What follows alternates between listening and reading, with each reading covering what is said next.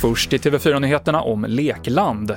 Trots att branschen tidigare har fått kritik för dålig säkerhet så är det fortsatt många lekland där barn riskerar att skada sig. Det kan handla om öppningar där barn kan fastna med huvudet eller för dåligt med stötdämpande underlag för att man ska kunna förhindra allvarliga fallskador. Många har inte ens eh, gjort någon eh, säkerhetsbesiktning överhuvudtaget.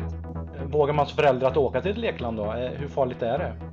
Ja, den här kontrollen visar ju att, att allt inte är säkert och kontrollerat. Så att man behöver vara kritisk och vara medveten om det när man är på ett lekland.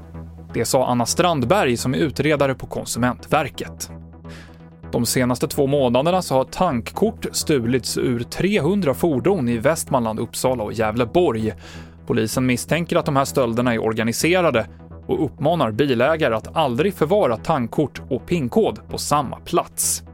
Och TV4 kommer att visa herrarnas fotbolls-VM 2026, en turnering som spelas i Kanada, USA och Mexiko.